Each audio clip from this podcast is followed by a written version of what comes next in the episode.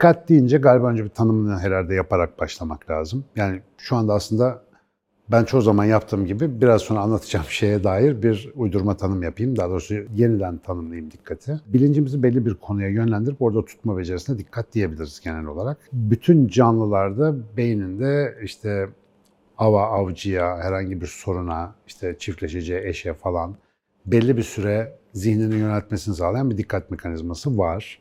Fakat her işte olduğu gibi ana devreyi onlarla paylaşmakla beraber onun üstüne çok daha çetrefilli bir mekanizma geliştirmiş bir sisteme sahibiz beyin olarak. Dolayısıyla bizim dikkat sistemi biraz karmaşık. Öncelikle dikkat nasıl çalışıyor, ne işe yarıyor bir kısaca onun örneklerini vereyim. Ondan sonra da dağınıklığı nasıl bir şey onu açık konuşalım. Dikkat sistemi beynimizin ta altından en üstüne ve önüne yani ön beynimize kadar birçok şebekesini ilgilendiren karmaşık bir süreç. Ve e, beynimiz herhangi bir şeye dikkat verdiğinde, daha doğrusu zihnimiz bir şeye yöneldiğinde beynimiz dikkat ağı denen bir ağın kontrolüne geçiyor. Dikkat ağı aktif olduğu sürece biz dikkatimizi o nokta üzerinde sabit tutabiliyoruz. Daha sonra beynimizde iki tane daha çok önemli ağ keşfedildi 2010'lardan sonra. Bunlardan bir tanesi Default Mode Network diye bilinen varsayılan durum şebekesi. Bir diğeri de Salient Network ya da belirginlik ağı dediğimiz bir başka ağ. Bu üçü birlikte şöyle çalışıyor belli bir yere dikkati verdikten sonra makul bir süre sonunda dikkatimizi oradan serbest bırakmamız, o konuyu bırakmamız ve dikkatsiz hale dönmemiz gerekiyor. Dikkatsiz, odaksız zihin durumunun beyinde temsil edildiği şebeke bu default mode network ya da varsayılan durum şebekesi dediğimiz şebeke tamamen zihnin boş ve odaklanmamış olduğu, zihnin gezinmesi dediğimiz durumun gerçekleştiği, Hani böyle gözümüz dalar gider hiçbir şey düşünemeyiz ya o tip durumlarda falan yaşadığımız bir hal. Bu halden tekrar dikkat anının aktif olduğu dikkat durumuna geçebilmek için de neye dikkat vereceğimizi seçmekle görevli olan Salient Network dediğimiz sistemin ya da belirginlik ağının arada devreye girmesi gerekiyor. Şöyle tarif edeyim. Algıda seçicilik diye bir şey var. Herkes bilir bunu. Bir ortama bakınca her göz başka bir şeyi yakalar. O şeyi yakalamasının temel sebebi onun belirginlik ağının belli nesneleri ya da durumları yakalamakta diğer beyinlere göre daha yatkın olması, daha yüksek ihtiyaç göstermesi. Basit bir örnek, susuz isek, su içmemiz gerekiyorsa bir odada gözümüzle tararken su daha kolay dikkatimizi çekecektir. Ya da o andaki ruh durumumuz, ihtiyaçlarımız, işte ya da geçmiş tecrübelerimiz, belleğimiz bize aslında ortamda neye dikkat vereceğimize dair bir yönerge sunar. Biz de zihin gezinmesinden dikkate döneceğimiz zaman arada ortamı tarayarak gerekli dikkat nesnesini seçmeye yarayan belirginlik anının aktivitesi sayesinde yeni bir odak bulur, dikkatimizi oraya yönlendiririz. Şimdi insan aynı anda çok işlevi bir arada yapabilen beyne sahip olmadığı için bizim dikkatimizin işleyişi bir yere dikkat ver, sorunu çöz ya da işini hallet. Sonra default moda geç, varsayılan moda geç, yeni bir konu bul, oraya dikkatini ver. Ve dikkat çok uzun süre bir şeyin üzerinde tutulduğunda bir tap düşüyor, yorgunlaşıyor ve orada tutmak zorlaşıyor. Dikkatin verimli kullanma şekli makul sürelerde dikkati farklı karakterde işlere yönlendirerek uyanık dönem içerisinde bunu zinde tutmak. Yani bunu da işte buna literatürde attention, attention switching deniyor yani dikkatin odağını değiştirme. Ama bu beceri bu üçlü network'ün çalışmasıyla oluyor. Şimdi bu üçlü network ya da beyin şebekeleri hangi devreler ve kimyasal maddelerle çalışıyor diye bakınca iki tane kimyasal hemen öne çıkıyor. Bunlardan bir tanesi norepinefrin, bir tanesi de dopamin. Norepinefrin ya da noradrenalin diğer adıyla aynı vücuttaki adrenalin gibi beyni uyanık ve tetikte tutmaya yarayan bir kimyasal madde. Bu kimyasal madde beyin sapından beynin her tarafına sürekli olarak salgılanır. Özellikle gündüz uyanıksak biz uyandırıcı sistemin en önemli parçasıdır. Sabah yataktan kalkmamızı bu sağlıyor mesela. Akşam da faaliyetini azalttığı için biz hafif hafif uykulu hale geçiyoruz. Ve dikkat edersek odaklanmamız zorlaşıyor mesela o saatlerde, uykulu olduğumuz saatlerde. Dikkat ve odaklanmanın ana kimyasallarından biri bu. Bugün klinik olarak dikkat eksikliği dediğimiz durumların birçoğunda bu norepinefrin seviyeleri beyinde yetersiz olduğu düşünülüyor.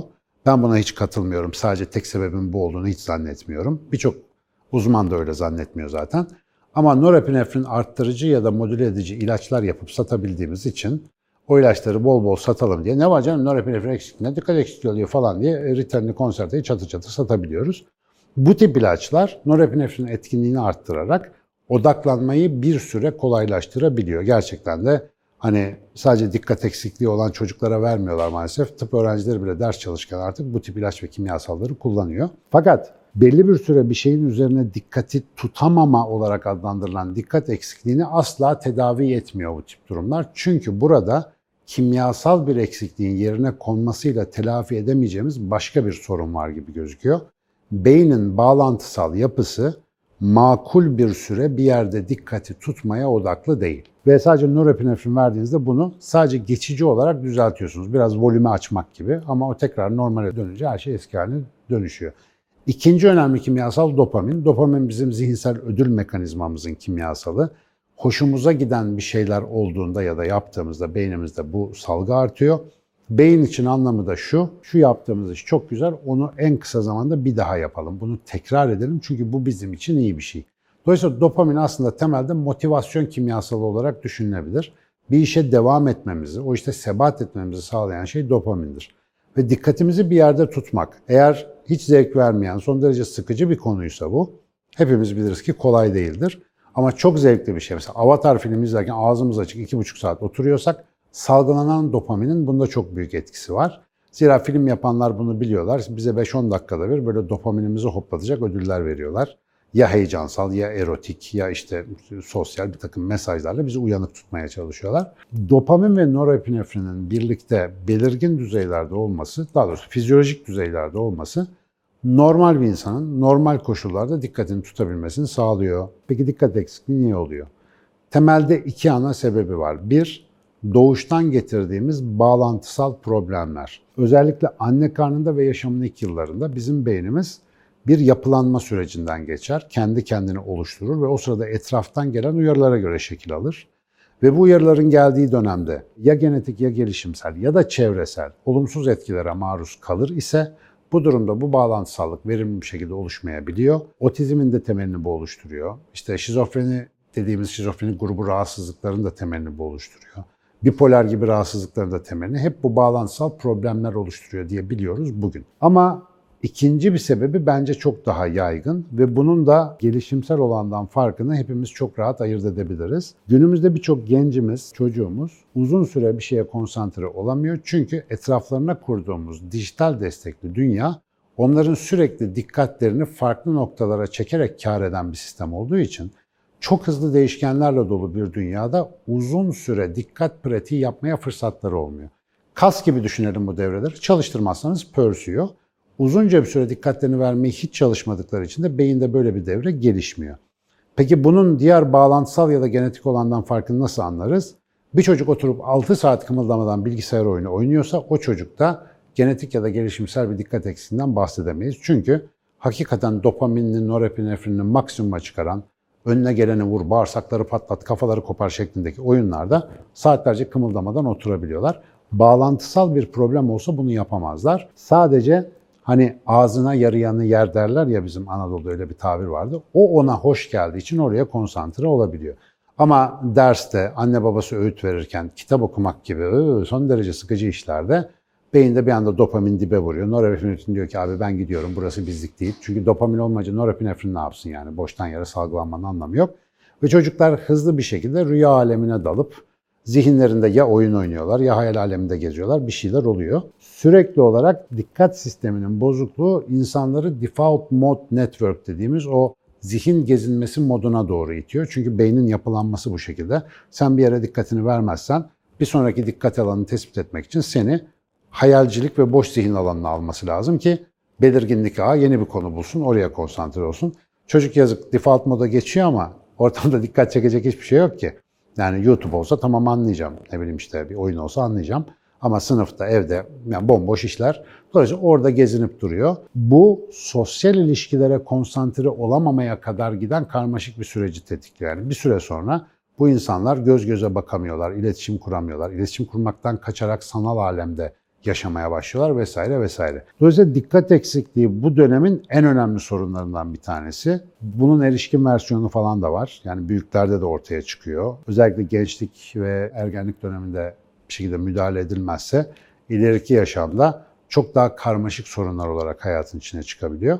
Genetik ve bağlantısal yani biyolojik temele bağlı sorunlardan kaynaklı dikkat eksikliğinin oranı araştırmalara bakarsanız, klinik tecrübeye bakarsanız çok çok düşük. Hiç zannettiğimiz kadar fazla değil. Sadece teşhisini daha kolay yapabildiğimiz için gözümüze eskiye göre biraz daha fazla gözükebiliyor ama bundan 20 sene önce mesela ben gençken böyle bir tanı olmadığı için ben yırttım.